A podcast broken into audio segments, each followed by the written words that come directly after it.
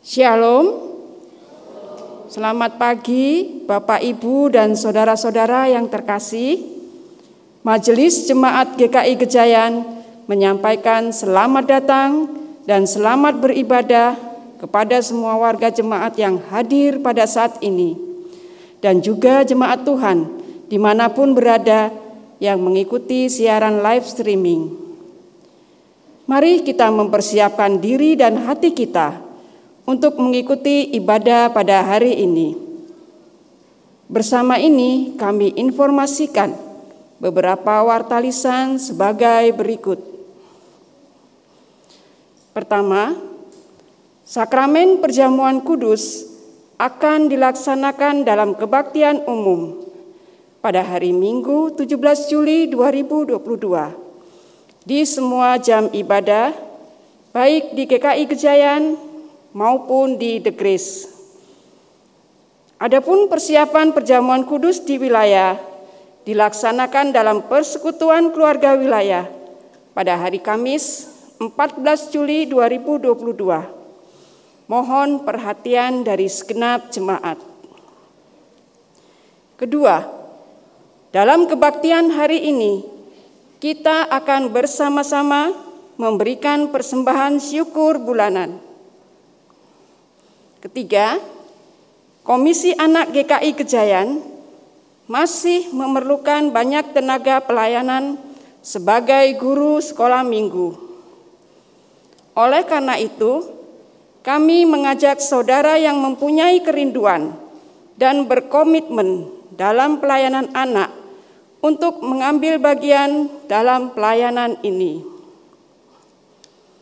Keempat, Program orang tua asuh dan kakak asuh Pondok Tetulung adalah program beasiswa pendidikan bagi anak-anak SD sampai dengan kuliah yang memerlukan dukungan finansial untuk melanjutkan pendidikannya.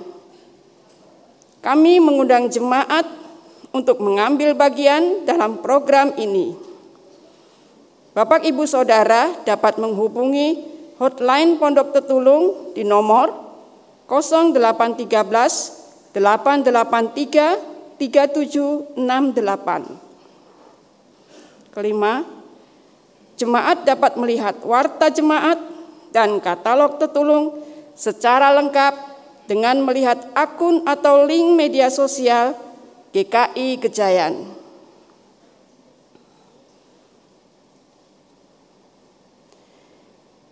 Ibadah hari ini dengan tema Hidupi dan saksikan dia bersama sahabat imanmu dengan pelayan firman Pendeta Paulus Lee.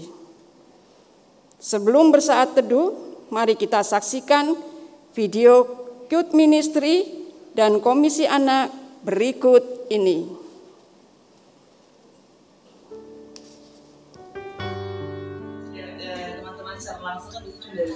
Iya, semuanya sih rasanya kayak ternyata ini wajah-wajah yang biasa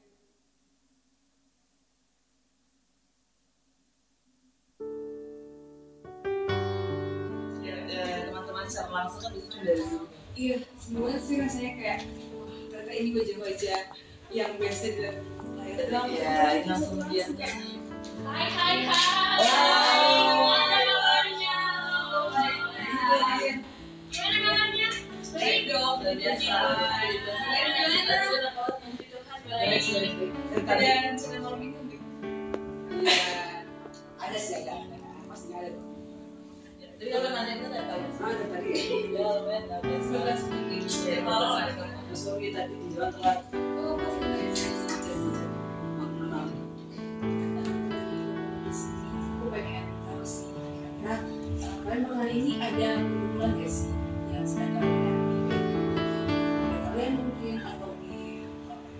mungkin mulai dari apa Mulai dari ini aku lagi pusing sih.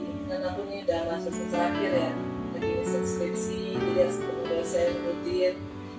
Ya harapanku semoga tapi bisa selesai sih. Jadi dua. Semoga bisa dilayani. semangat semangat semangat Sama sih kak. Cuma kalau aku lebih ke biaya gitu. Jadi bulan ini orang tua aku belum uang gitu jadi uang kosan sama kuliah itu belum bayar apalagi kan sekarang kan udah selesai UTS so jadi nilai-nilainya itu berpengaruh belum bayar jadi masuk ke sistem Mana ini? Seperti ini, Pak, ya. Terima kasih. Ya, kalau saudara kan bersama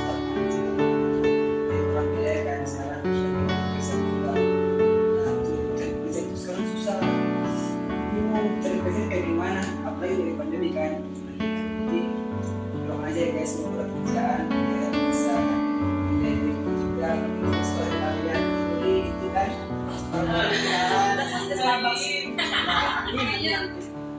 Sih. Alhamdulillah. Terima kasih. Ayo teman-teman, kita daftar di Youth Ministry agar kita memiliki komunitas yang menolong kita bertumbuh dalam kehidupan rohani. Iman semakin kuat, tetapi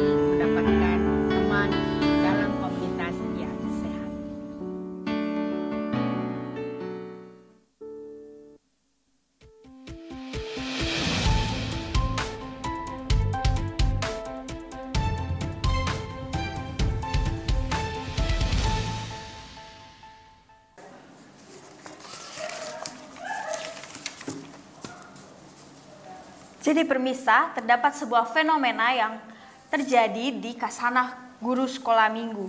Konon katanya, guru sekolah minggu yang tersisa di GKI Gejayan mengalami sebuah wabah yang sangat menghebohkan. Iya ya wah. Jadi peristiwa ini sudah terjadi lebih dari 20 pernama pemirsa. Sekarang mari kita mendengar tanggapan dari Kaman Gugup yang mempunyai perguruan sekolah minggu. Menteri datang, menteri, menteri, menteri, menteri. Pak, pak, pak, pak, pak.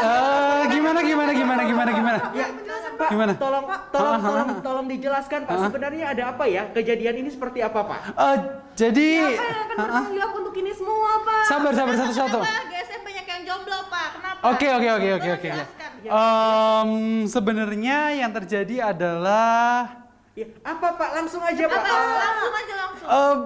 Begini. Jadi se- sebenarnya saya sudah mempersiapkan nih ya. Iya. Jadi eh, sudah mempersiapkan dan saya yakin semuanya akan puas begitu Oke, ya. Apa, apa, Pak? Jadi kita akan mengadakan eh, program gitu ya, Iya. yang adalah Oke.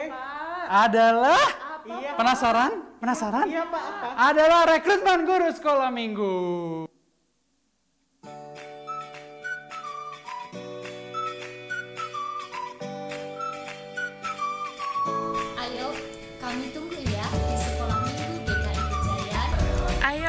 Kami tunggu ya di sekolah minggu GKI Gejayan. Ayo, kami tunggu ya di sekolah minggu GKI Gejayan. Ayo, kami tunggu ya di sekolah minggu GKI Gejayan. Yuk, kami tunggu ya di Sekolah Minggu GKI Gejayan. Ayo, kami tunggu ya di sekolah minggu GKI Gejayan. Ayo, kami tunggu ya di sekolah minggu GKI Gejayan. Ayo, kami tunggu ya di sekolah minggu GKI Gejayan. Ayo, kami tunggu ya di sekolah minggu GKI Gejayan. Ayo, kami tunggu ya di sekolah minggu GKI Gejayan. Kami tunggu ya di GKI Gejayan. Ayo, kami tunggu ya di sekolah minggu GKI Gejayan.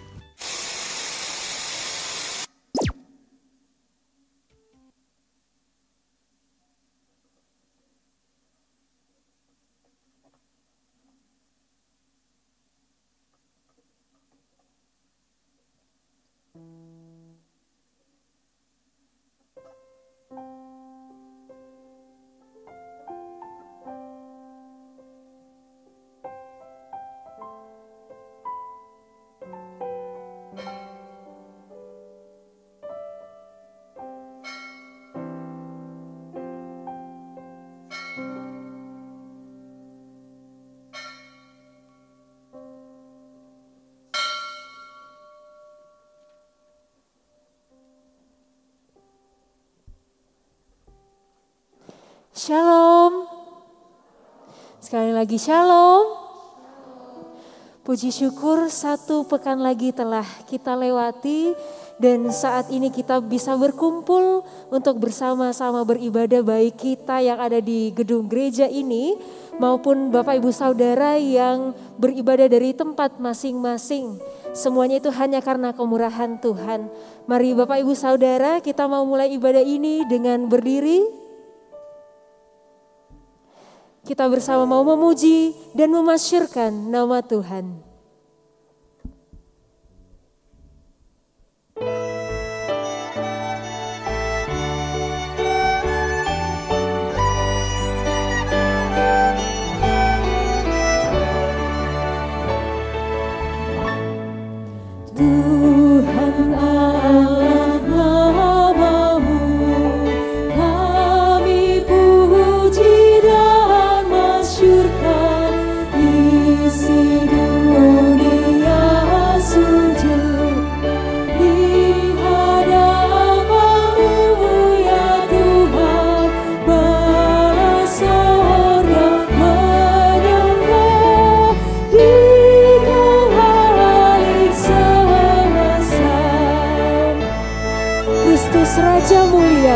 Bapa yang abadi Mari kembali kita pujikan baitnya yang keempat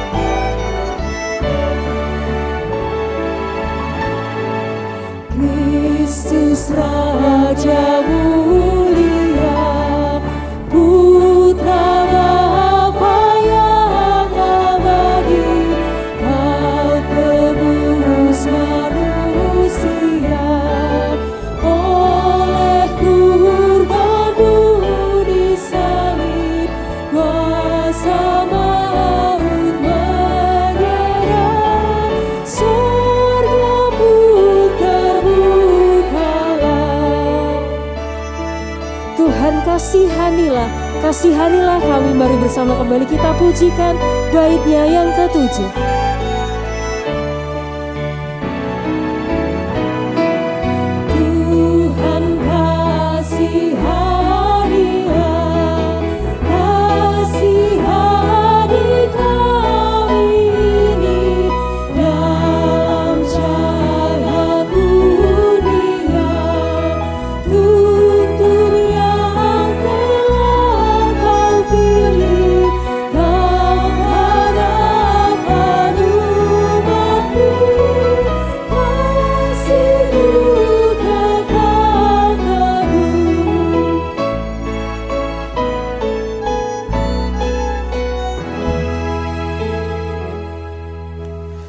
Jemaat kita mengawali ibadah kita dengan bersama-sama mengucapkan pengakuan demikian.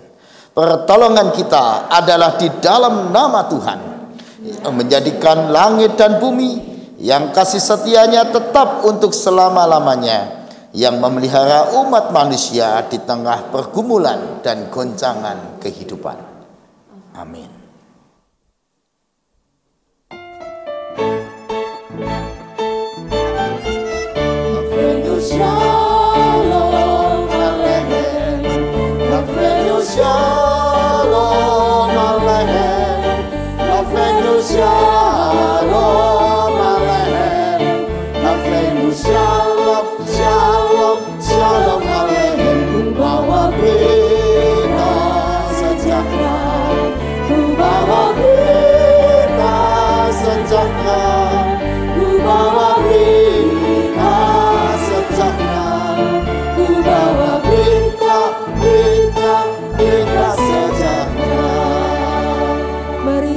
Saling mengucapkan salam satu dengan yang lain.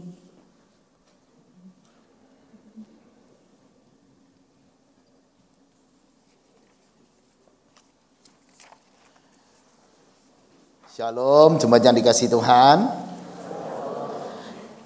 Juga saya ucapkan selamat bersekutu bersama dengan kita, baik yang ada di gedung gereja, di ruang Galilea, di ruang Roma, di Taman Eden, maupun yang ada di rumah yang bersekutu bersama kita melalui Zoom maupun YouTube. Nah, halo apa kabar? Saya lihat ada Pak Monovan, ada Bu Hening, ada wah ini ada namanya tulisannya kecil-kecil ya, Anastasia, Pak Herbert, Dan bentar, saya pakai kacamata dulu ini. Oh ya, ada eh, Pak Herbert dan sebagainya ya. Senang bertemu dengan Bapak Ibu sekalian. Halo, apa kabar Pak Monovan dan Bu Hening? Ya, kiranya Tuhan terus menyertai keluarga. Kalau nanti teman-teman, Bapak Ibu yang ada di rumah mau minta didoakan, silakan diketik di live chat ya. Terima kasih Tuhan menyertai Pak Monovan, Bu Hene, Pak Herbert, Bu Anastasia, Pak Halomon, Gultom, dan lain-lain yang bersekutu bersama kita. Termasuk jemaat yang melalui YouTube juga bersekutu, kami senang bisa bersekutu dengan Bapak Ibu. Bapak Ibu sekalian, mari kita juga menyambut anak-anak kita ya dengan sukacita ya. Mari kita menyanyi lagu pujian, kita sambut anak-anak kita. Sekaligus diingatkan bahwa sekolah minggu onsite sudah ada ya, secara bergiliran mulai kelas besar, kelas sedang,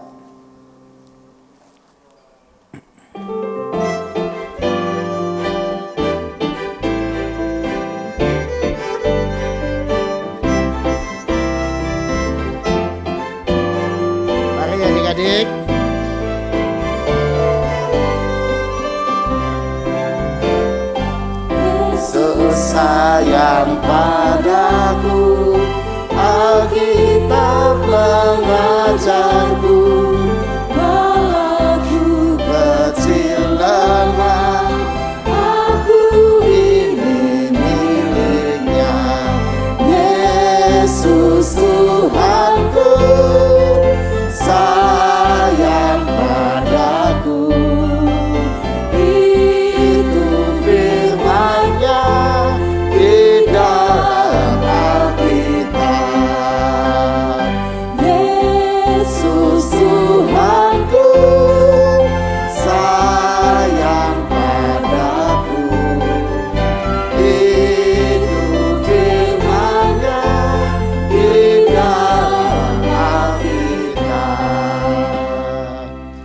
Adik-adik silakan putar balik menghadap Kak Paulus ya. Ya.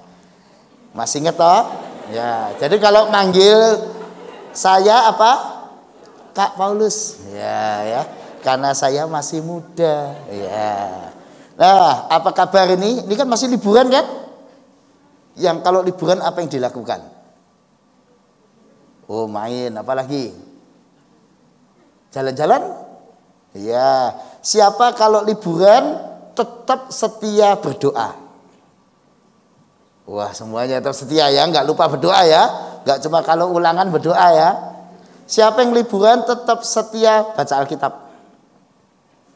Oh, ada. Wah, luar biasa. Ya, bagus ya. Ini buat kami semua ini sungguh membanggakan ya. Semangat ya sekolah minggu. Sekarang adik-adik silakan lipat tangan berdoa. Kami semua akan memberi berkat, juga jemaat mendukung dalam doa. Anak-anakku terimalah berkat Tuhan. Tuhan memberkati engkau dengan kekuatannya. Sehingga anak-anakku semua kalian akan bertumbuh di dalam pemeliharaan Tuhan. Berkat penyertaan dan hikmat dari Tuhan memenuhi engkau. Memampukan engkau menjadi anak-anak yang tumbuh sehat. Tumbuh dalam perlindungan dan karunia Tuhan. Segala bekat, eh, segala bakat, karunia, talenta dilengkapkan dalam hidupmu supaya engkau bisa melayani Tuhan melalui hidupmu. Jadilah hamba-hamba Tuhan sejak anak-anak yang baik sehingga keluargamu dan teman-temanmu sesamamu memuliakan Tuhan karena hidupmu yang baik. Berkat Tuhan menyertai engkau kini sampai sepanjang masa. Amin. Amin. Selamat sekolah minggu ya. Tuhan berkati ya.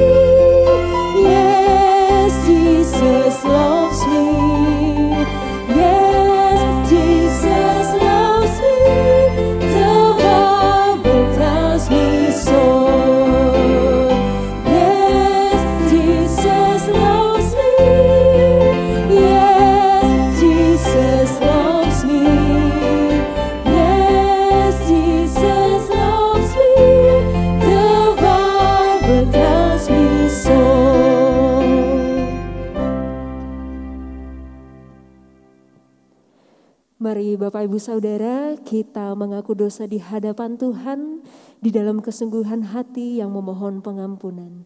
Mari kita berdoa.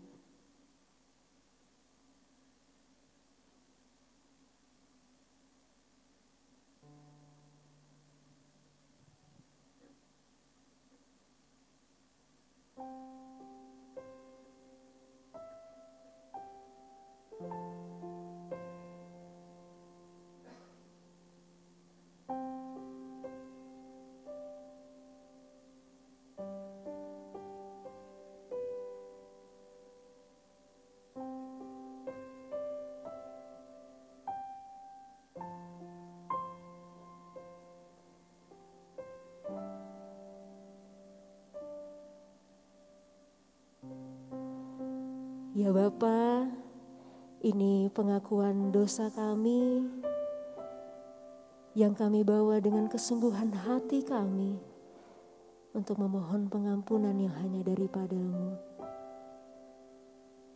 Terima kasih ya Tuhan Yesus. Ini doa kami yang kami bawa hanya di dalam namamu. Amin. Dengan bangkit berdiri kita akan menerima berita anugerah yang dibacakan dari Efesus 2 ayat 4 sampai 5. Berbahagialah kita yang sungguh-sungguh bertobat dan hidup di dalam Tuhan karena berita anugerah dari Tuhan menyatakan demikian. Tetapi Allah yang kaya dengan rahmat oleh karena kasihnya yang besar yang dilimpahkannya kepada kita telah menghidupkan kita bersama-sama dengan Kristus sekalipun kita telah mati oleh kesalahan-kesalahan kita oleh kasih karunia kamu diselamatkan. Demikianlah berita anugerah dari Tuhan.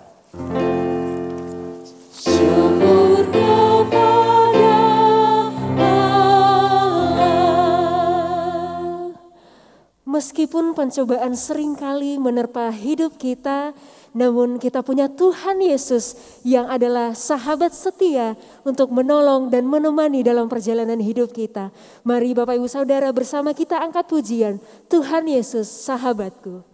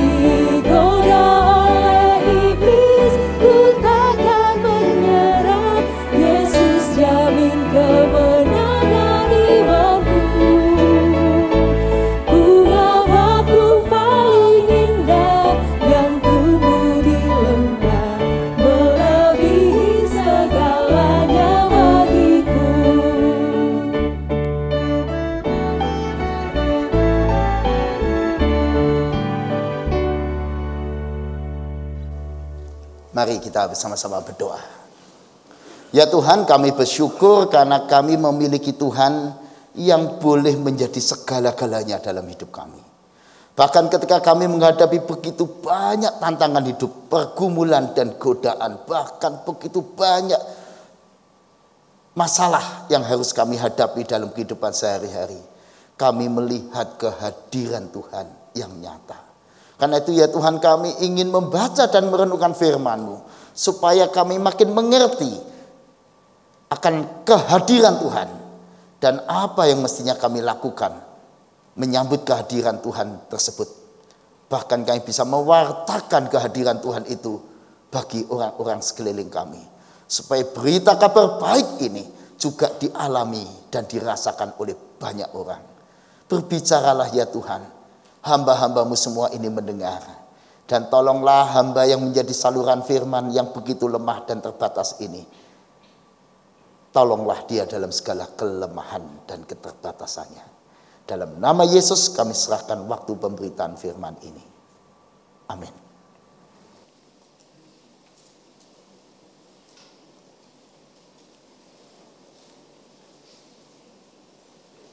Kitab 2 Raja-Raja pasal 5 ayat 10 sampai dengan 14.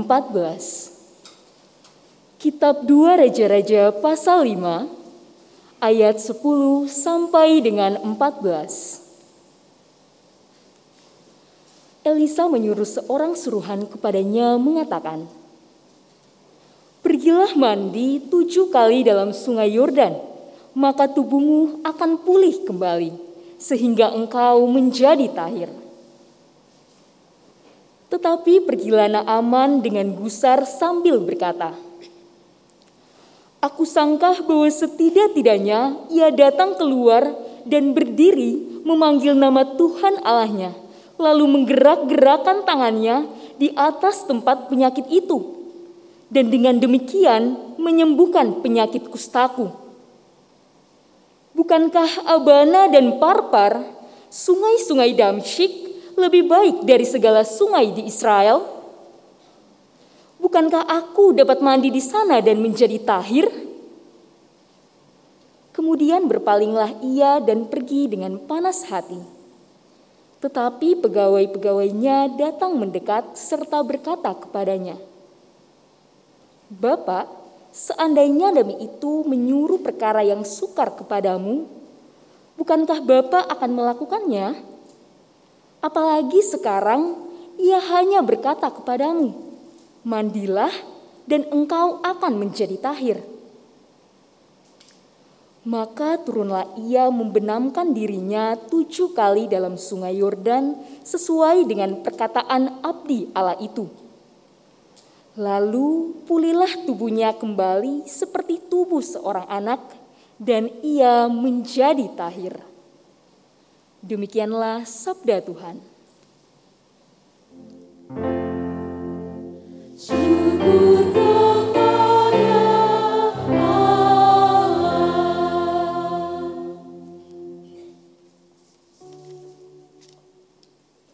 Mazmur 66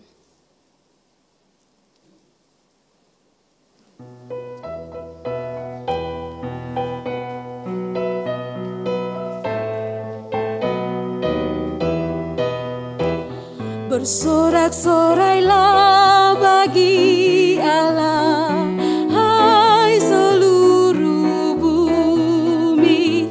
Mazmurkan namanya Muliakanlah dia.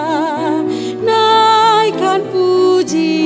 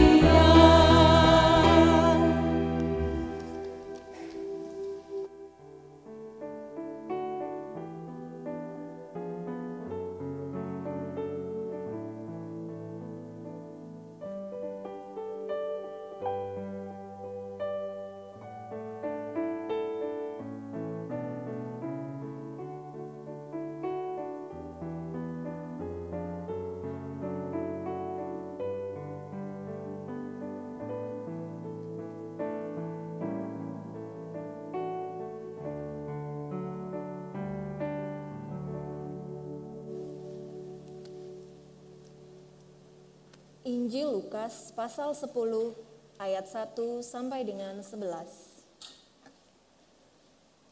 Injil Lukas pasal 10 ayat 1 sampai dengan 11.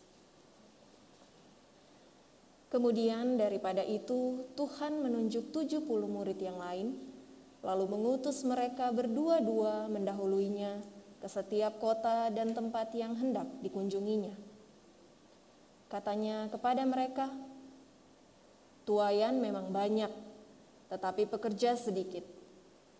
Karena itu, mintalah kepada Tuhan yang empunya tuayan, supaya ia mengirimkan pekerja-pekerja untuk tuayan itu.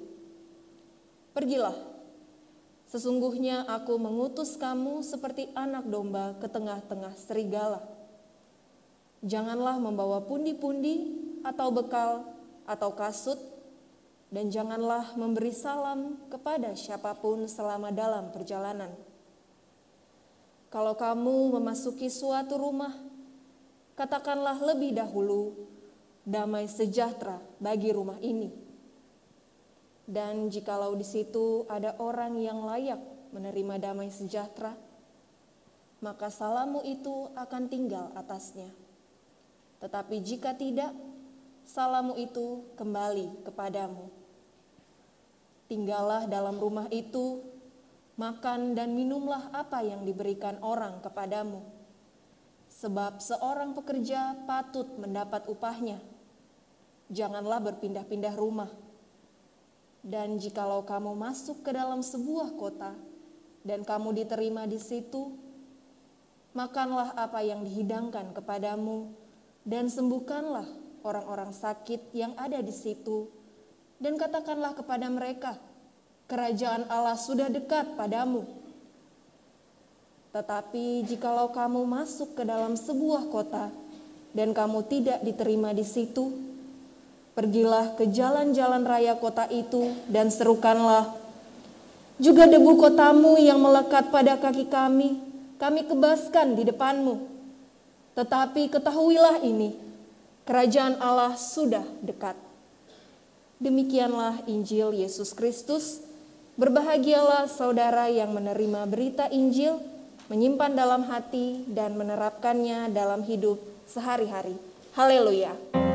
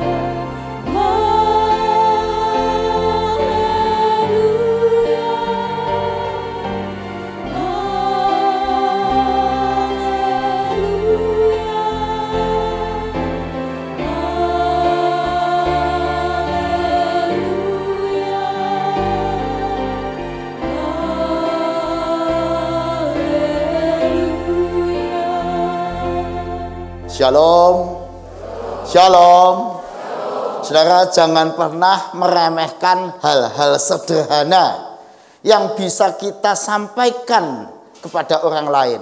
Hal baik, potongan ayat yang kita sharingkan pada orang lain. Mungkin itu singkat satu kalimat, satu penggal. Jangan remehkan saudara. Bisa jadi sepotong ayat, sepotong nasihat, nasihat sederhana bisa mengubah hidup orang. Kesaksian singkat saudara yang Anda kirimkan pada seseorang melalui pesan, melalui media sosial, ayat-ayat yang Anda kirimkan pada seseorang bisa jadi bukan cuma menghibur, mengingatkan orang akan firman, bisa mengubah hidup orang. Kisah seorang budak yang jadi tahanan, sebenarnya dia seorang budak yang diambil dari Israel ke tempat Aram justru menyelamatkan seorang jenderal atau panglima Raja Aram, Naaman itu. Naaman sakit kusta. Bagaimana dia bisa mengalami perjumpaan dengan Tuhan? Ya melalui seorang budak yang kata-katanya begitu polos, ngomong sama nyonyanya. Wah, kalau sakit kusta, ya ke itu nabi yang di Samaria, yang dia maksud adalah Elisa. Ah, Bisa sembuh. Memang nggak ada harapan waktu itu sakit kusta. Tapi celemongan, kata-kata, ya mungkin dia ngomong nggak terlalu banyak dipikir ya. Hanya ya itulah isi hatinya. Wah kalau yang begini sih ah, Nabi di ah, Samaria bisa menyembuhkan. Terdengar istri oleh istri Naaman. Tahu suaminya nggak ada harapan, dia sampaikan ke suaminya. Suaminya sampaikan ke Raja Aram. Lalu mereka pergi ke sana.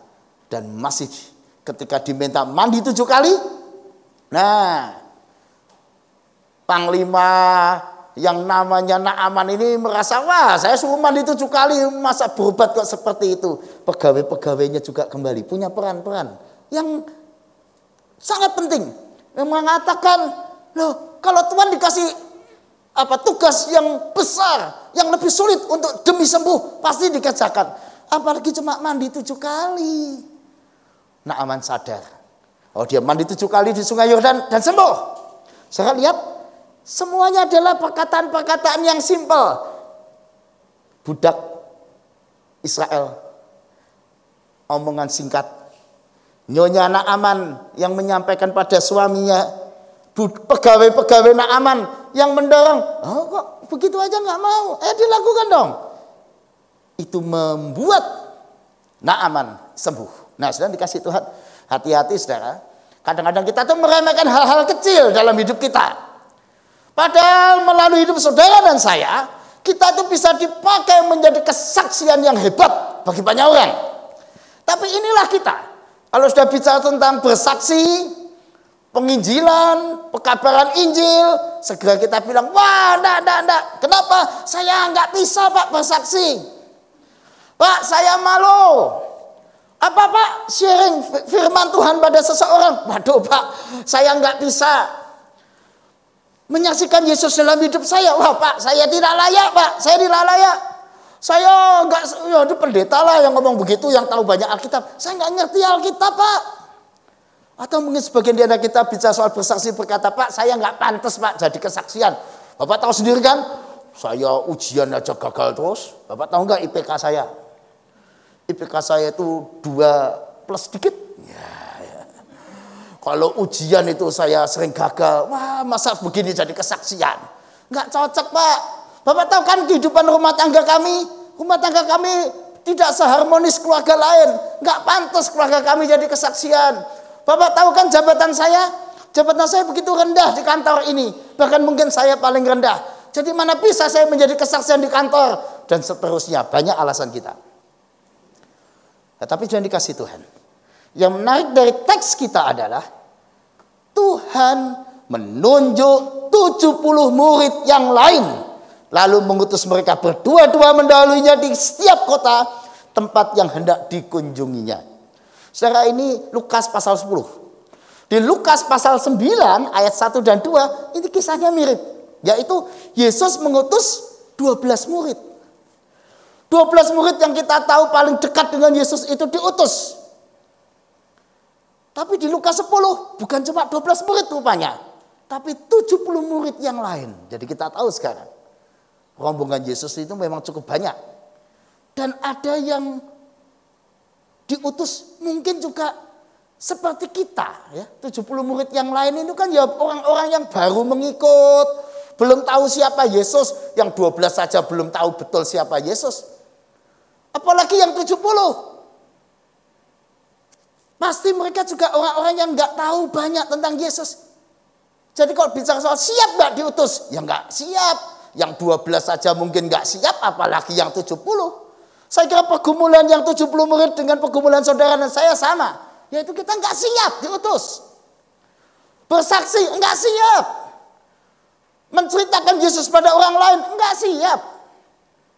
Tetapi yang menarik adalah 70 murid yang lain ini mereka taat dan mereka berangkat berdua-dua dan ke kota-kota dalam perjalanan Yesus menuju Yerusalem itu mereka memberitakan tentang Yesus. Dan nanti mereka akan melihat betapa dahsyat kesaksian mereka membawa banyak orang kepada Yesus. Dan kasih Tuhan yang mau saya katakan adalah tidak siap boleh. Merasa tidak layak, saya kira itu ya memang kita nggak layak. Kalau saudara tanya kepada saya, apakah Bapak sebagai pendeta layak untuk berkhotbah? Ya saya nggak layak, hidup saya tidak lebih baik dari Anda. Kalau bicara dibandingkan, ya kualitas manusia seperti saya mungkin tidak lebih baik dari Anda. Keluarga saya mungkin tidak sebaik keluarga Anda. Dan banyak orang semacam itu. Tetapi pertanyaannya bukan soal baik tidak baik. Kita pantas tidak pantas. Maukah kita diutus? Bukankah kita diutus bukan untuk menceritakan tentang diri saya? Saudara ketika datang ke kebaktian ini Anda tidak ingin mendengar bagaimana hidup saya. Itu buat Anda itu bukan ya nggak terlalu penting lah Bapak hidupnya kayak apa nggak penting. Yang penting Bapak beritakan tentang Yesus itu yang kami mau dengar. Dan kasih Tuhan kalau kita diutus bukan untuk cerita tentang siapa saya. Tapi ketika kita diutus kita mau cerita tentang Yesus yang mencintai saya. Yang di mana ketika kita bergumul, dia ada dalam pergumulan kita. Ketika kita mengalami kesulitan, dia ada di tengah kesulitan kita. Nah itulah yang kita saksikan. Kita saksikan betapa Yesus hadir dalam kesulitan kita, pergumulan kita. Nah karena itu sebenarnya tidak boleh ada kata saya tidak siap. Karena bukan mau cerita tentang kisah sukses kita. Bukan cerita tentang kisah hebat diriku. Tetapi kita mau bicara tentang Yesus yang hadir dalam hidupku. Yesus itulah pusat berita. Nah, saya dikasih Tuhan. Kalau saudara lihat gambar ini, coba dilihat. Gambar ini ada yang menarik saudara dari gambar ini. Coba perhatikan. Yang menarik apa? Ini adalah gambar ketika sebuah kecelakaan besar, musibah besar terjadi di India. Saya perhatikan gambar ini, mana yang paling menarik dari gambar ini?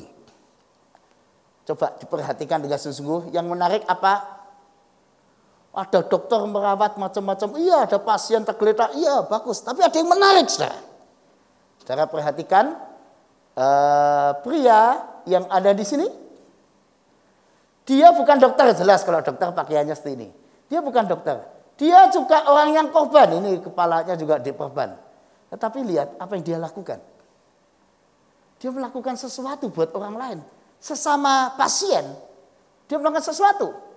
Dia berpikir, aku tidak mau cuma menunggu sebagai pasien. Tapi aku juga akan melakukan sesuatu. Atau dengan kata lain, sambil menunggu, aku bisa berbuat sesuatu. Menjadi sahabat bagi sesama pasien. Nah inilah pekabaran Injil, saudara. Bukan kita mau mengkristenisasi orang. Bukan itu tujuan. Tetapi menjadikan Injil itu ada dalam praktek hidup kita. Atau menghayati Injil dalam hidup sehari-hari. Justru pekabaran Injil yang paling hebat adalah sharing hidup. Ini loh aku, ketika aku susah, aku dapat kekuatan dari kehadiran Tuhan. Orang-orang yang mau berjuang bersama-sama sesama pasien kehidupan. Saudara dikasih Tuhan ini bukan meremehkan saudara dan saya, tapi kenyataannya memang setiap kita itu punya masalah. Setiap keluarga punya problem, setiap mahasiswa punya kesulitan, setiap ibu rumah tangga ada eh, pergumulan, setiap orang yang bekerja ada tantangannya, semua kita. Jadi Anda nggak usah merasa wah saya orang paling malang di dunia. Enak ya orang lain, oh nggak usah bilang begitu.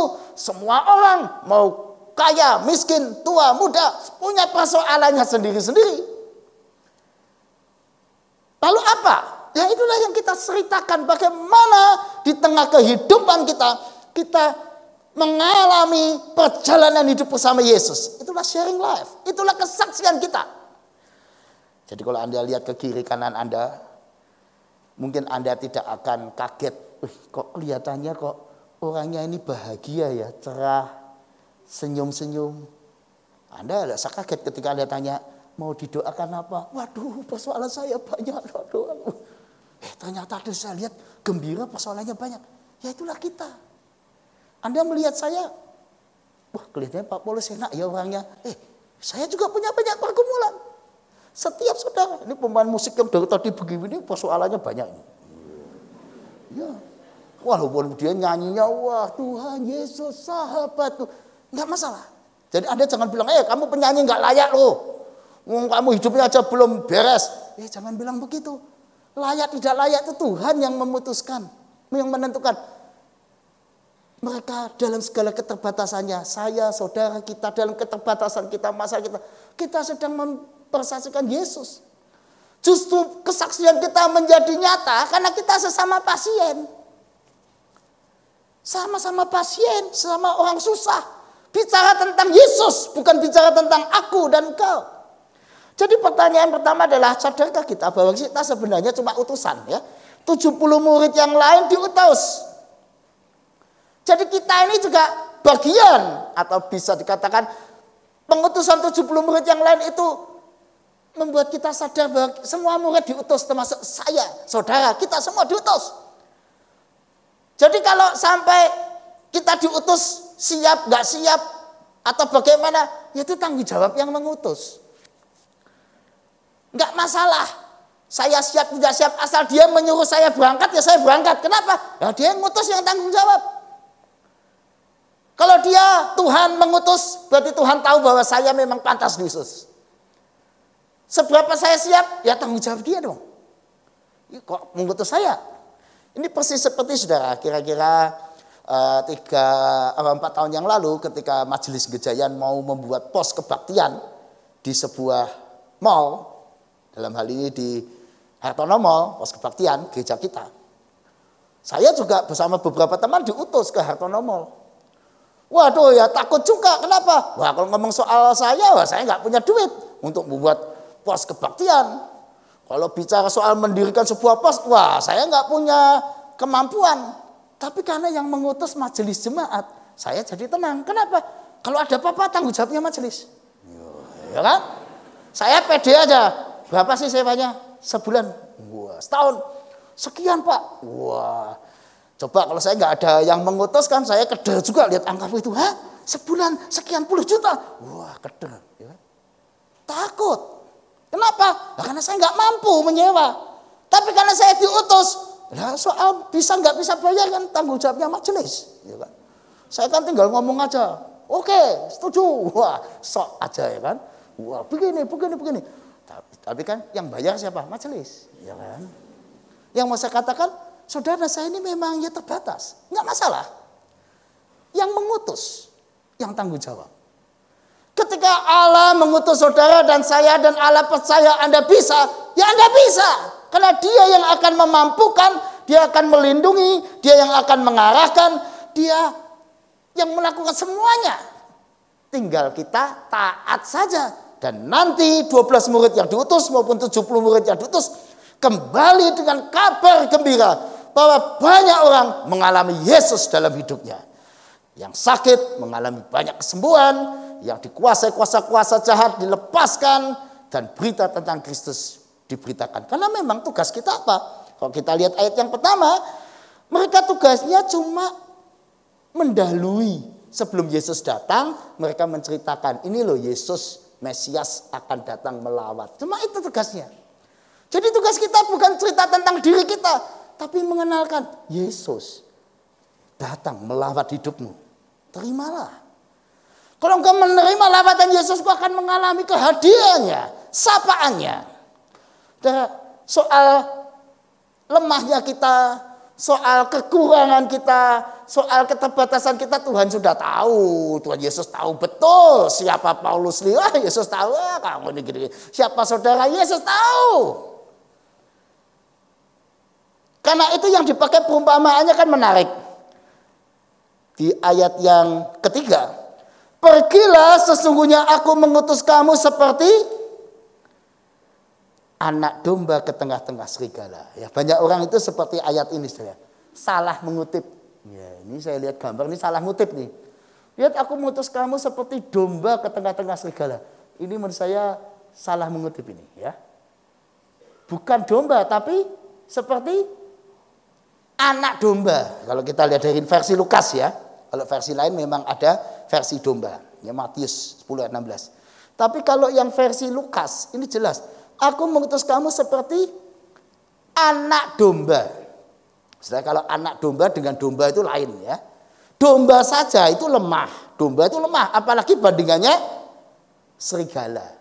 Domba bandingannya serigala ya enggak level. Suruh berhadapan ya ya cuma ini makanannya ini gitu, makanan empuk. Apalagi ini anaknya domba. Betul-betul lemah, tidak berdaya, betul-betul bukan apa-apanya. Tapi justru di situlah kekuatan anak domba, yaitu dia bergantung sepenuhnya pada gembala pemeliharanya. Nah inilah pesan Yesus kepada saudara dan saya yang mau diutus.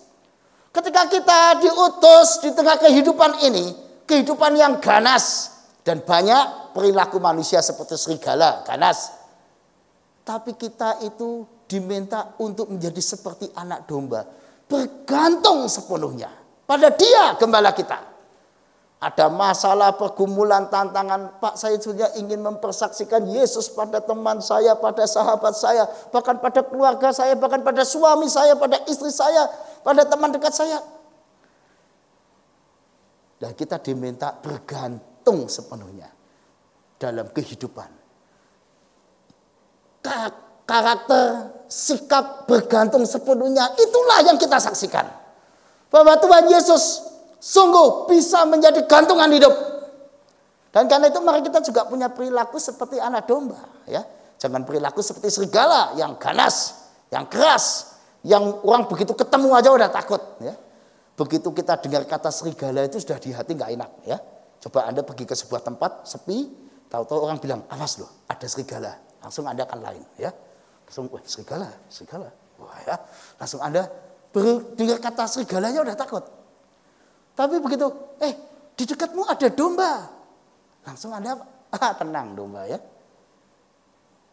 Kata anak domba dan serigala itu membuat konotasi atau perasaan yang berbeda. Nah kehadiran Anda di tengah keluarga kayak apa? Ketika misalnya saya sebagai bapak, anak-anak saya dengar, eh papa pulang. Kira-kira dengarnya kayak apa? Kayak domba pulang atau kayak serigala pulang? Papa pulang, Wes, wes, hati-hati, hati-hati. Wes, wes, wes. Anak-anak wes mulai pasang kuda-kuda. Wes pintunya tutup. Ya, berarti Anda dan saya kayak, nah Anda yang ngomong loh ya. ya. Gak segala. Tapi ketika Bapak pulang, Bapak pulang. Wah, Nana udah siap nyambut. Wah, berarti Anda datang sebagai seperti anak domba. Nah itulah kita, seperti anak domba harusnya.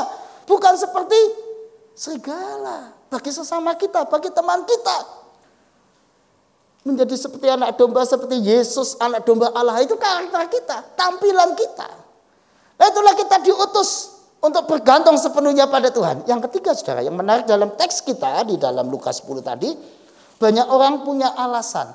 Alasannya itu hal-hal sepele. Karena itu Yesus mengatakan di ayat yang keempat, jangan membawa pundi-pundi atau bekal atau kasut dan jangan memberi salam pada siapa pun selama dalam perjalanan. Maksudnya supaya fokus. Karena jalannya pendek. Jaraknya dekat. Jadi nggak perlu bekal macam-macam. Sudah langsung aja. Nggak usah oh, jarak dekat saja oh, mau macam-macam persiapannya. Langsung saja. Fokus saja. Cepat saja. Tapi tapi itulah kita saudara. Banyak orang yang ribet hal-hal yang tidak tidak penting. Contoh banyak ada banyak orang yang tidak mau kebaktian onsite. Alasannya apa? Tidak mau kebaktian onsite pak, enak online kok. Ya tentu itu boleh saja banyak online memang kita sediakan. Tapi alasannya itu apa?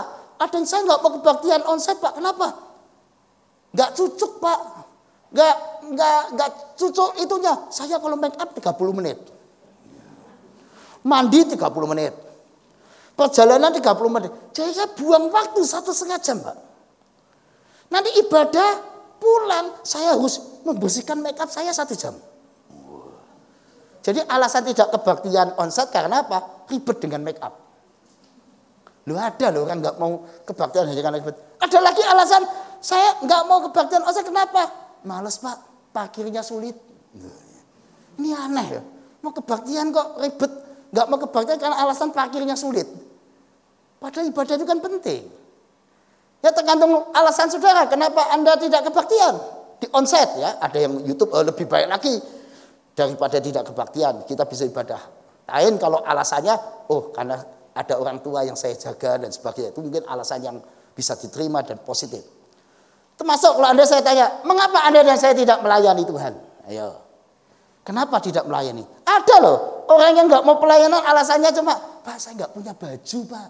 Loh, saya malu, masa saya kalau jadi lektor, bajunya itu-itu saja malu Pak. Aduh, aduh nggak punya baju. Jadi nggak mau pelayanan kenapa? Nggak punya baju. Waduh. Ya tapi itulah banyak orang yang tidak pelayanan karena alasan-alasan yang tidak masuk akal. Ya, Kenapa nggak pelayanan? Nggak ada temennya Pak, saya nggak punya teman. Nggak ada yang kenal. Waduh, lo mau pelayanan kok nunggu kenal semua itu ya bagaimana? Ya. Jadi termasuk kalau kita bersaksi. Kenapa kita tidak bersaksi? Wah Pak, nggak enak Pak. Saya ini kan cuma bawahan Pak. Dia kan atasan, nanti nggak enak. Nanti gimana dong? Wah. Padahal sudah ada sebuah kisah nyata. Eh, sahabat sejak dari muda dua pengusaha besar, dua pengusaha besar ini sahabat sejak muda. Suatu hari ketemu dengan sahabatnya. Saya, saya katakan saja ini si A, pengusaha A, ini pengusaha B. Pengusaha A marah dengan pengusaha sahabatnya B. Dia bilang begini, kamu ini sahabat macam apa ya? Kita sudah bersahabat lebih dari 30 tahun. Tapi kamu tidak pernah menceritakan tentang Yesus kepada saya. Berarti kamu nggak peduli dengan keselamatan saya dan keluarga saya. Bahkan kamu kan tahu persoalan saya. Kamu kan tahu persoalan keluarga saya. Kenapa kamu tidak pernah cerita tentang Yesus pada saya? Teman eh, si A ini bicara pada sahabatnya si B yang nggak pernah cerita tentang Yesus. Karena mereka memang beda keyakinan.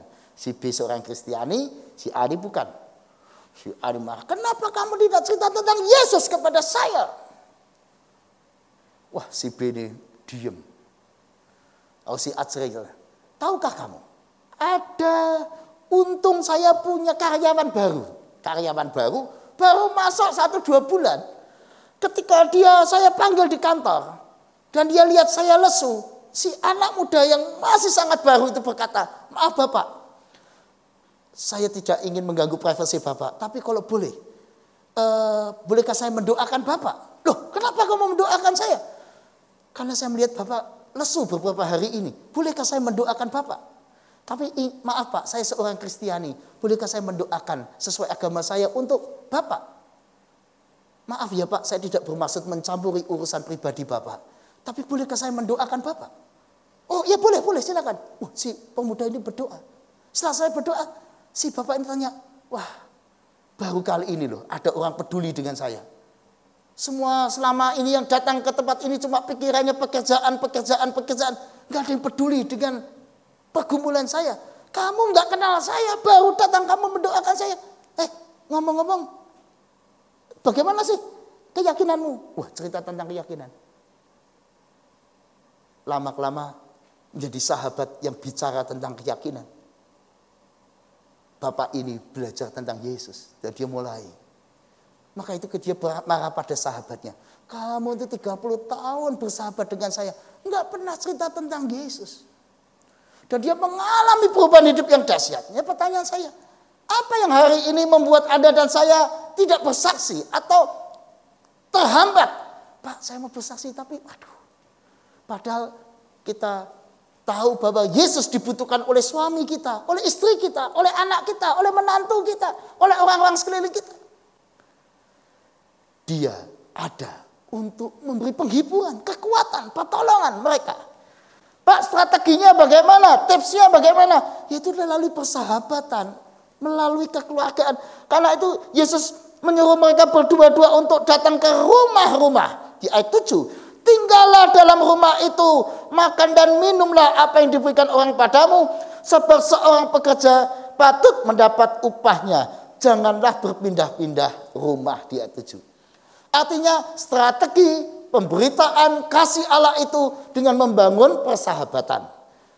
Berbasis pada keluarga. Persahabatan dua keluarga inilah yang akan membuat damai sejahtera Tuhan itu ditularkan, disaksikan. Saudara, beberapa kali saya mendengar kesaksian yang indah. Ketika orang mengalami kesulitan, kedukaan, pergumulan, ada sahabat keluarga yang datang menguatkan, menghibur, menolong, menemani. Lalu mereka mulai belajar. Oh, wah luar biasa ya. Kehadiran kalian ini, kepedulian, terima kasih ya. Mereka mulai dari simpati, mulai belajar ingin mengenal. Ketika didoakan, merasakan kekuatan. Mereka mulai dibangun kepercayaannya. Nah, saudara, karena itu mari saudara. Gunakan seluruh kehidupan kita ini untuk mempersaksikan Yesus melalui persahabatan. Nah, juga melalui menjadi orang yang menyenangkan, ya, menjadi orang menyenangkan ini penting. Saudara, ngomong-ngomong orang menyenangkan, mari kita coba. Wah, ini kita harus berkaca. Ya. Apakah tampilan saya cukup menyenangkan? Atau orang begitu lihat wajah kita langsung, wah serem ya, serigala ini. Serigala ini. Coba kalau saya lihat begini, kira-kira Anda orang yang menyenangkan? Nanti jangan lupa berkaca ya. Kalau kita begitu berkaca, apakah kita orang menyenangkan?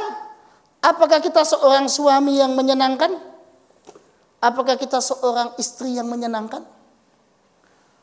Kita punya banyak pilihan. Saya mau tampil jadi orang kayak apa? Yang serem, marah, sorot matanya tajam. Selamat pagi. Apa? Baiklah. Supaya saya berwibawa, suaranya saya besarkan, matanya saya buat tajam. Di tempat kerja supaya orang takut sama saya. Saya bisa begitu. Atau saya bisa, oh saya ingin enggak, saya ingin jadi orang yang tampil rileks. Ya, selamat pagi, apa kabar? Atau saya ingin menjadi orang yang agak ugal-ugalan sedikit. Hai, apa kabar? Saya mau jadi orang kayak apa? Itu Anda bisa setel diri Anda. Tapi mari, saudara kita jadi orang yang menyenangkan. Contohnya apa menyenangkan? Wah, teks kita sudah ngajarin. Satu di ayat satu. Ketika Yesus mengutus berdua-dua nggak ada yang protes deh. Orang yang mudah berkawan. Nggak ketika dipasangkan kamu sama ini ya. Ah nggak mau, nggak mau, aku mau sama dia. Wah ini bukan sahabat dekat. Enggak. Maka mau. Mudah berkawan. Seperti anak domba yang lembut, tidak kasar. Sederhana, tidak aneh-aneh. Tidak perlu bekal macam-macam untuk berangkat. Simple. Dan yang penting di ayat yang kelima. Kalau kamu memasuki suatu rumah. Katakanlah lebih dulu. Damai sejahtera bagi rumah ini. Damai sejahtera. Ini ucapannya itu enak. Begitu ketemu. Tak masuk rumah itu. Damai sejahtera bagi rumah ini. Kalau bahasa sekarang. Shalom. Apa kabar? Berkat Tuhan menyertai kalian. Waduh. Mendengar kalimat pertama saja sudah maknyes. Gitu ya. Nah apakah kita pribadi demikian? Begitu ketemu di kantor dengan teman kita, wah ucapannya positif. Halo selamat pagi, semangat. Jangan begitu sampai kantor pagi-pagi langsung sudah uring-uringan. Satu kantor ini gila semua ya. Datang kayak begini, uh, datang kok sudah gila-gilain orang ya. Ini, ini bukan kesaksian yang baik. Apakah kita datang sudah positif? Semangat, semangat. Ayo, jadi orang begitu datang, wah, kalau dia datang langsung satu kantor semangat. Ucapannya, sikapnya, enak didengar. Tidak rewel, tidak penuntut. Tahunya dari mana? Loh, di ayat kita tinggallah dalam rumah itu, ayat 7, makan dan minum apa yang diberikan padamu. Ayat 8 kembali, makanlah apa yang dihidangkan padamu. Waduh. Wah, buat saya ini bukan pertanyaan, bukan hal simpel makanlah apa yang dihidangkan padamu. Sebab saya itu tidak mudah makannya, saudara. Kalau ketemu makanannya saya nggak cocok, waduh, eh, gimana? Tapi orang yang mau menjadi pribadi yang menyenangkan itu tidak rewel. Ketika dihidangkan makanan, oh enggak loh, enggak loh, enggak, enggak, enggak, enggak. Wah, ya nggak bisa jadi sahabat yang menyenangkan. Tentu kita harus jaga kesehatan. Tapi ada kalanya juga kita itu boleh ya nyicipin. Waduh, wah enak loh makanan. Waduh, ini makan. Wah, ini tradisi khas Papua, Pak. Waduh, Bang Papua itu makanannya enak-enak. Wah, seneng gue kayak kan. Wah enak yuk, ini makanan khas mana? Ini dari daerah saya Pak, ini Banyumasan. Waduh enaknya. Cicipin dong, enak dong. Itulah menjadi pribadi yang menyenangkan. Orang yang tidak rewel, tidak penuntut, mudah bergaul. Kasih makanan, makan, ini. Maksud saya adalah orang-orang seperti ini, di mana pun diterima dengan menyenangkan. Orangnya ringan tangan, sembuhkanlah orang yang sakit yang ada padamu di situ. Katakanlah pada mereka kerajaan Allah sudah dekat padamu. Jadi orang menyenangkan. Pertanyaan saya, maukah Anda menjadikan diri Anda kesaksian? Jadilah orang yang menyenangkan. Sebelum Anda keluar rumah, ayo setel diri kita dulu. Sebelum saya keluar rumah, saya ingin menjadi seperti apa? Dan yang pasti, jadilah seperti Kristus bagi orang lain. Tinggallah dalam rumah itu, makan dan minumlah. Waduh, ini membangun persahabatan, keakraban, persaudaraan menjadi bagian dari keluarga-keluarga sahabat kita. Di situ kita membawa damai Allah melalui kehadiran kita, doa kita, perhatian kita. Sehingga seluruh keluarga merasakan, wah kami diperhatikan oleh kehadiranmu. Wah kamu sahabat yang peduli dengan keluarga kami. Sambil kita hargai adat istiadat keluarga tersebut, kebiasaan baiknya, sahabat suka dan duka. Nah inilah kita membangun bonding dengan sahabat, dengan teman, dengan teman kerja, teman studi, teman kos, dengan tetangga. Inilah kita sedang bersaksi tentang Kristus melalui bonding kita dengan orang lain. Nah gereja kita juga punya kesaksian saudara. Dengan cara yang unik. Salah satunya lewat uh, program yang namanya Nongkiyux. Ya, Nongkiyux makna ministry itu tiap hari Jumat sore. Itu ditayangkan cerita-cerita tentang kehidupan. Ini ada suami istri yang pernah uh, bangkrut. Lalu dia menjadi sukses sekarang. Cerita tentang bagaimana Yesus hadir dalam hidupnya. Ada kisah-kisah dari seorang ibu dalam pergumulannya, seorang penyanyi, seorang anak muda kita yang berprestasi dalam wusu, dan kisah-kisah pengusaha. Nih eh, apa seorang Papua yang pintar bahasa Jawa, bagaimana dia eh, hadir di tengah-tengah eh, masyarakat dan menjadi berkat dan juga termasuk pemain sepak bola ini. Ya, ya ini jimat kita ini bersaksi. Pak, jadi apa itu bersaksi? Sharing life menceritakan hidup kita, sharing hidup kita dengan orang lain. Dan demikianlah kita bersaksi dengan cara yang menarik. Ignatius Joseph Casimo, seorang Katolik yang baik, atau seorang Nasani yang baik. Dia seorang mandor yang baik, mandor perkebunan. Tapi dia juga seorang politikus yang bersih, yang memiliki etika dan bermartabat. Dan akhirnya dia nanti jadi menteri dan menteri yang baik. Dan dia adalah pahlawan kemerdekaan. Yang mau saya katakan ini pribadi pengikut Kristus yang sederhana, simple, tapi begitu banyak karyanya.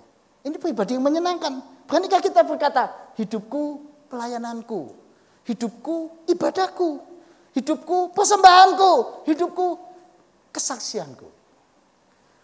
Ketika Anda bekerja di sebuah tempat, ketika Anda kos di sebuah tempat. Ketika Anda sebagai ibu rumah tangga datang ke sebuah pasar, ketika kita bergaul dengan teman-teman anak-anak kita yang sedang ibu-ibu menjaga anak-anaknya di depan uh, sekolah, beranikah kita berkata, hidupku, pelayananku, hidupku, ibadahku, persembahanku, kesaksianku.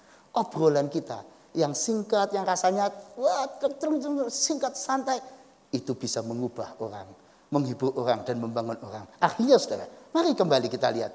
Apakah kita mau rela berbagi hidup, sharing life dengan orang lain. Apakah ketika kita dilihat orang lain, orang lihat Yesus dalam hidup kita. Mari kita bangun setiap hari sebelum kita keluar rumah. Mari kita cek diri kita. Apakah hidupku sudah seperti Kristus bagi orang lain? Apakah Yesus nampak bagi orang lain dalam pergumulanku? Mungkin saudara saya hari ini punya pergumulan yang banyak dan segudang. Itu ketika Anda saksikan, orang-orang justru akan merasa tergetar, saudara. Ketika saudara dan saya hari ini mulai goncangan-goncangan hidup. Karena yang mengalami goncangan hidup gak cuma kita, gak cuma saya, gak cuma saudara. Orang-orang sekeliling kita juga punya goncangan-goncangan hidup. Mereka juga butuh kekuatan, pertolongan. Mari kita sharingkan. Mari kita siap diutus ke mana pun. Karena kita juga bagian dari murid Yesus. Kalau Tuhan sudah memanggil kita menjadi alat kerajaannya, ayo kita syukuri panggilannya. Lalu kita berhenti berkata pada Yesus, Tuhan jadikan aku alatmu yang kudus. Jadikan aku bagian dari penyembahan buat kemuliaan Tuhan. Amin. Saat teduh buat kita.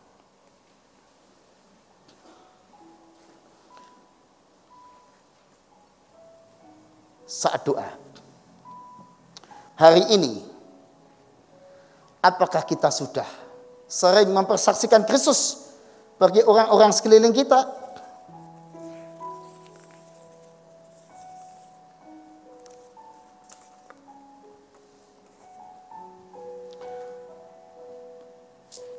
Apakah justru orang-orang terdekat kita hari ini melihat bagaimana kehadiran Yesus dalam hidup kita? Jangan lagi mengatakan, Tuhan aku nggak siap. Tuhan aku tidak layak. Tuhan aku tidak mampu. Karena sesungguhnya engkau dipilih bukan karena engkau layak atau mampu. Tapi karena Tuhan mau memakai hidupmu, pergumulanmu, keberadaanmu jadi alat lawatannya bagi orang-orang lain.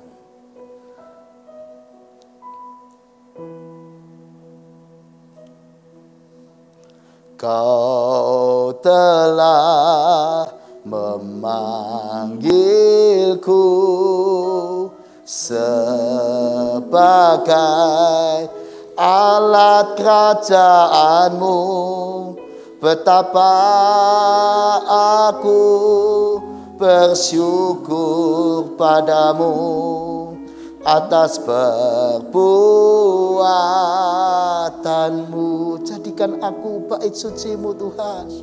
Dikan aku bait sucimu yang kudus dan yang tiada bercela jadikan aku mesbah doamu bagi keselamatan bangsaku. Jadikan aku jadikan aku bait sucimu yang kudus dan yang tiada bercela jadikan aku mesbah doamu bagi keselamatan bangsaku mari kita berdoa. Ya Tuhan Sebenarnya kami malu kalau harus bersaksi karena hidup kami juga belum sebaik seperti yang kami rasakan. Tetapi kami syukuri di tengah pergumulan, goncangan, tantangan hidup, kami selalu melihat Tuhan yang menemani kami, yang menyertai perjalanan kami. Sehingga sekalipun kami harus berjuang untuk keluarga, kami harus berjuang untuk hidup sehari-hari, juang untuk pemulihan kesehatan, berjuang untuk berbagai macam tantangan hidup. Kami selalu melihat lawatan Tuhan yang membuat kami tetap bisa bersyukur bahkan berbahagia di tengah tantangan hidup. Ya Tuhan, kalau Engkau ingin melawat teman-teman kami, sahabat-sahabat kami, kalau Engkau ingin melawat mereka sekalian, oh Tuhan, kami bersyukur. Dan itu karena itu kami ingin mempersaksikan Engkau melalui cerita kami, melalui chatting kami, melalui persahabatan kami, melalui kebersamaan kami, melalui sharing life kami dengan sesama kami. Pakailah ya Tuhan. Hidup kami, pekerjaan kami, mulut kami, pesan-pesan singkat yang kami kirimkan jadi alat kesaksian. Biarlah nama Tuhan dipermuliakan dan sungguh Kami rindu hidup kami yang betul-betul penuh dengan kekurangan ini boleh menjadi bagaikan bait Tuhan. Di mana orang datang ke sana dan merasakan Tuhan melalui kebersamaan dengan kami. Tuhan kami berdoa untuk jemaat yang membutuhkan berkat dan pertolongan Tuhan. Untuk Bapak Wiji Soekardi yang sedang sakit, tolonglah ya Tuhan. Pulihkanlah. Juga berkatilah kesehatan dari keluarga Bapak Edi Susanto supaya bisa mendapatkan pemulihan kesehatan. Supaya Pak Edi juga bisa pulih kembali penglihatannya, fisiknya. Juga untuk anaknya yang eh, kecelakaan dan kini sedang proses pemulihan, kayaknya Tuhan berikan kesembuhan di dalam Tuhan. Kami juga berdoa untuk saudari Sherin, Daniel Reinhardt, saudara Bayu Ade, dan saudara Deki, berkatilah mereka. Supaya mereka juga memiliki kehidupan yang baik di dalam pertolongan Tuhan. Segala pergumulan boleh mendapatkan penyelesaian di dalam Tuhan. Akhirnya Tuhan, kami serahkan keluarga kami semua. Pergumulan kami dalam tanganmu. Biarlah hidup kami yang terbatas dan lemah ini boleh menjadi alat kesaksian bagi kemuliaan nama Tuhan. Amin. Mari dengan bangkit berdiri kita nyanyikan bagian referen. Jadikan aku bait sucimu yang kudus dan yang tiada bercela jadikan aku mesbah bagi keselamatan bangsaku.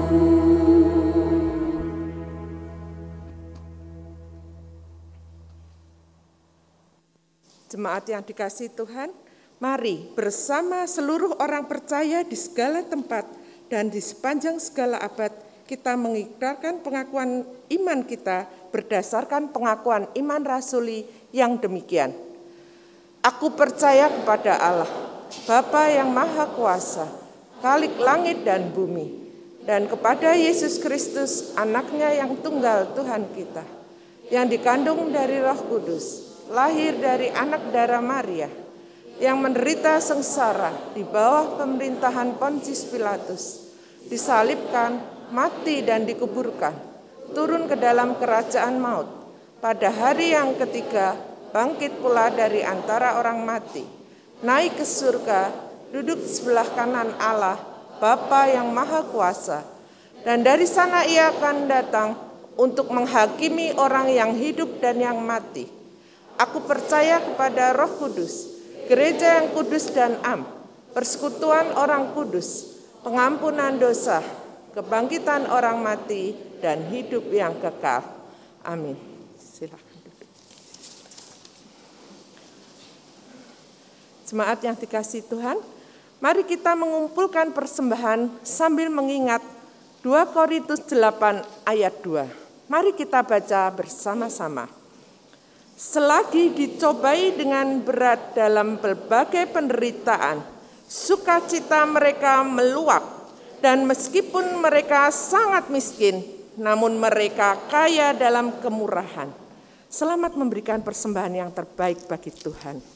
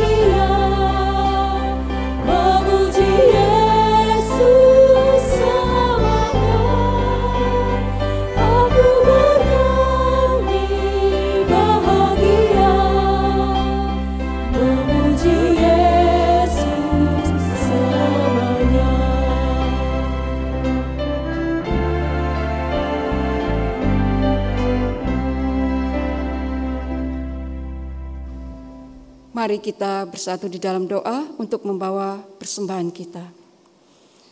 Segala puji dan syukur senantiasa kami haturkan kehadirat-Mu yang kudus. Tuhan Bapa yang baik, siapakah kami ini Tuhan, sehingga kami boleh mempersembahkan sebagian kecil dari berkat yang senantiasa boleh kami terima di dalam kehidupan kami. Terima kasih Tuhan, untuk kasih setia Tuhan, untuk anugerah dan penyertaan Tuhan di dalam kehidupan kami. Tuhan, saat ini kami boleh mempersembahkan sebagian dari berkat yang sudah Tuhan berikan di dalam kehidupan kami. Biarlah Tuhan persembahan yang sudah kami kumpulkan ini, kiranya Tuhan berkati, Tuhan sucikan, agar persembahan ini boleh kami pakai di dalam pelayananmu di gerejamu ini Tuhan. Tuhan kami juga mau berdoa untuk para majelis, bahkan setiap komisi-komisi yang akan memakai persembahan ini Tuhan. Biarlah kiranya mereka juga boleh memakai persembahan ini dengan penuh sungguh-sungguh dan takut akan Tuhan. Mampukan juga setiap kami Tuhan, untuk kami boleh mempersembahkan seluruh hidup dan kehidupan kami sebagai persembahan yang sejati, yang layak di hadapan-Mu. Terima kasih ya Tuhan. Inilah doa ungkapan syukur kami. Di dalam nama putramu Tuhan kami Yesus Kristus, kami berdoa dan bersyukur. Amin. Mari Bapak Ibu Saudara kita kembali dengan membawa berita sukacita keselamatan dari Tuhan Yesus Kristus kepada sesama. Bersama mari kita angkat pujian, kita harus membawa berita.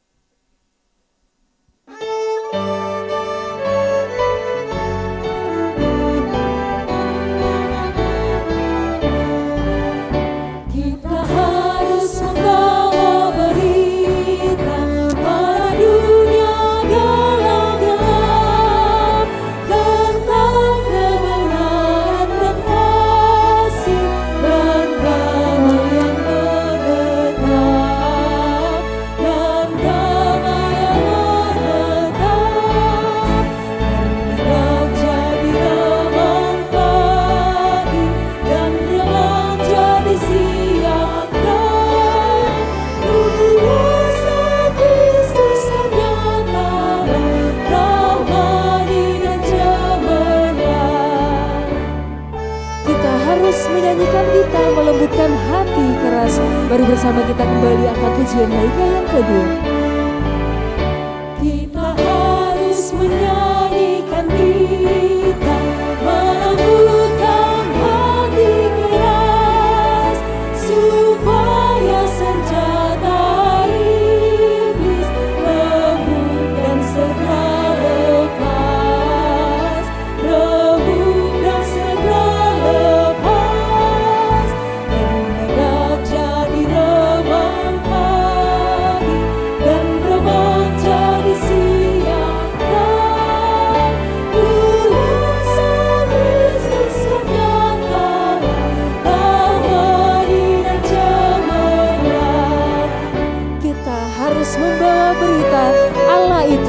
Kasih belas. Mari bersama kita kembali.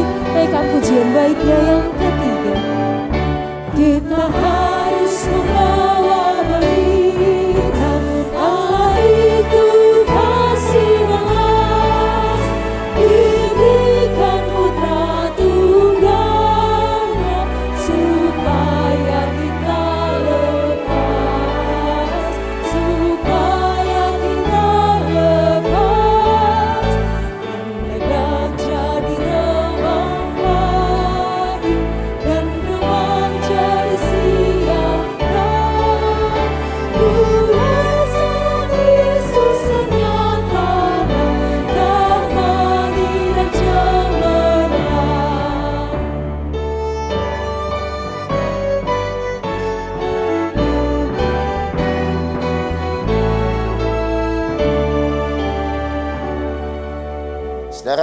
saksikanlah Kristus melalui hidup saudara dan jadilah berkat buat dunia. Terimalah berkat Tuhan. Kasih Tuhan mengiringimu dan sayapnya melindungimu. Tuhan pegang di dalam hidupmu. Majulah dalam terang kasihnya. Tuhan memberkati engkau dan melindungi engkau. Tuhan menyinari engkau dengan wajahnya dan memberi engkau kasih karunia. Tuhan menghadapkan wajahnya kepadamu dan memberi engkau damai sejahtera. Amin.